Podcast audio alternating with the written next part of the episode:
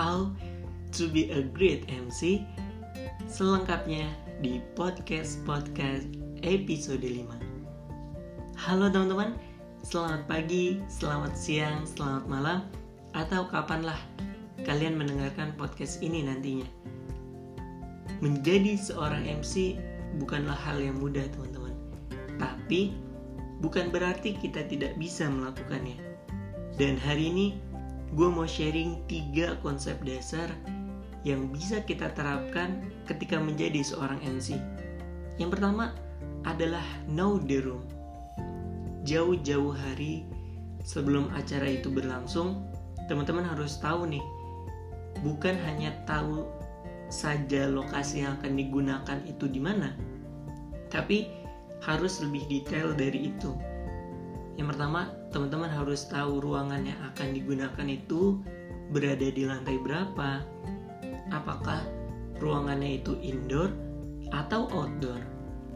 Yang kedua, jarak dan waktu yang dihabiskan untuk menuju ke sana itu kira-kira berapa menit?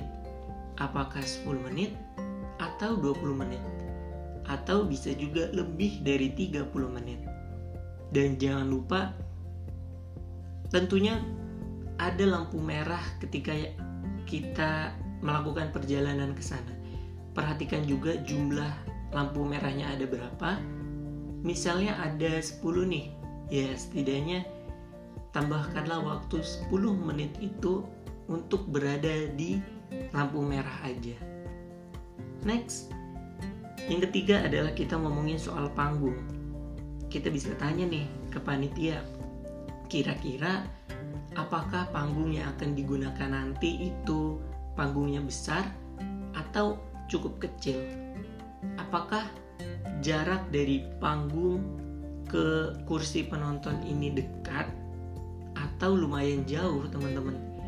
Karena dari jarak inilah kita nantinya bisa membangun interaksi dengan penonton itu seperti apa dan kita juga harus tahu letak kursi penonton nanti itu bentuknya kayak gimana sih? Apakah letter U atau mereka nanti akan duduk melingkar dengan menggunakan meja? Atau bisa juga mereka para penonton ini para audiens ini nantinya menghadap satu arah semua ke arah panggung seperti seperti tata letak kursi kuliah pada umumnya. Next, kalau kita sebagai seorang MC, tentunya kita menggunakan mikrofon nantinya ketika acara tersebut berlangsung. Perhatikan juga apakah mic tersebut termasuk mic wireless atau masih yang menggunakan kabel. Kalau mic-nya masih menggunakan mic yang kabel, perhatikan juga panjang pendek kabelnya. Jangan sampai panjang kabelnya itu mengganggu aktivitas kita nanti sebagai seorang MC.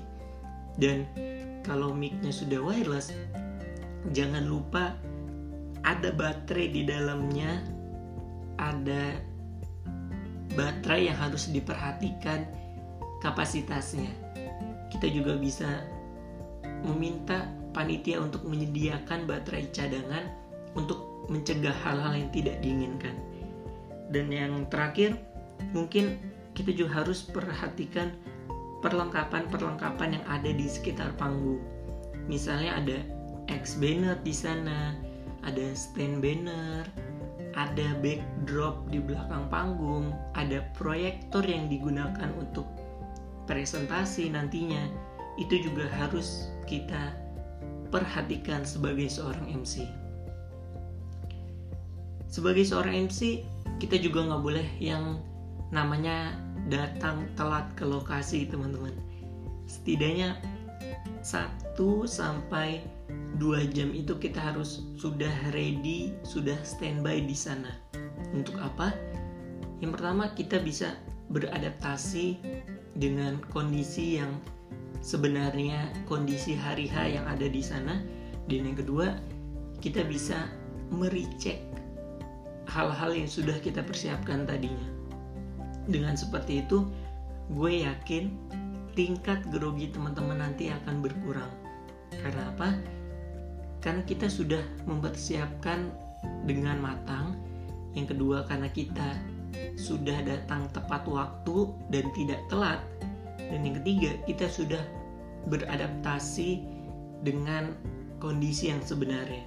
Dengan seperti itu, tingkat grogi pun akhirnya bisa berkurang dan kita sebagai seorang MC bisa mengendalikan grogi tersebut untuk kita alihkan ke hal-hal yang bermanfaat dan positif tentunya. Dan selalu ingat kalau kita grogi itu tandanya kita sudah siap. Yang kedua, ngomongin tentang audiens nih teman-teman. Tentu sebagai seorang MC kita harus tahu nanti kira-kira kita bakal ketemu audiens yang seperti apa sih? Bakal ketemu orang-orang yang kayak gimana sih?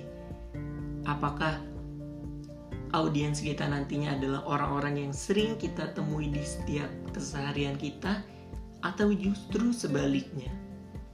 Setidaknya kita bisa mengidentifikasi mereka berdasarkan tiga hal nih teman-teman yang pertama adalah usianya yang kedua adalah kultur atau latar belakang budaya mereka. Dan yang ketiga adalah tingkat pendidikannya.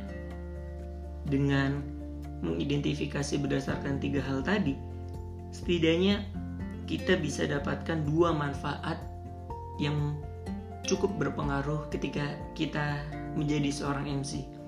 Yang pertama, kita bisa menyusun kata-kata yang sesuai dengan mereka dan yang kedua, kita bisa membangun hubungan emosional yang sama dengan mereka.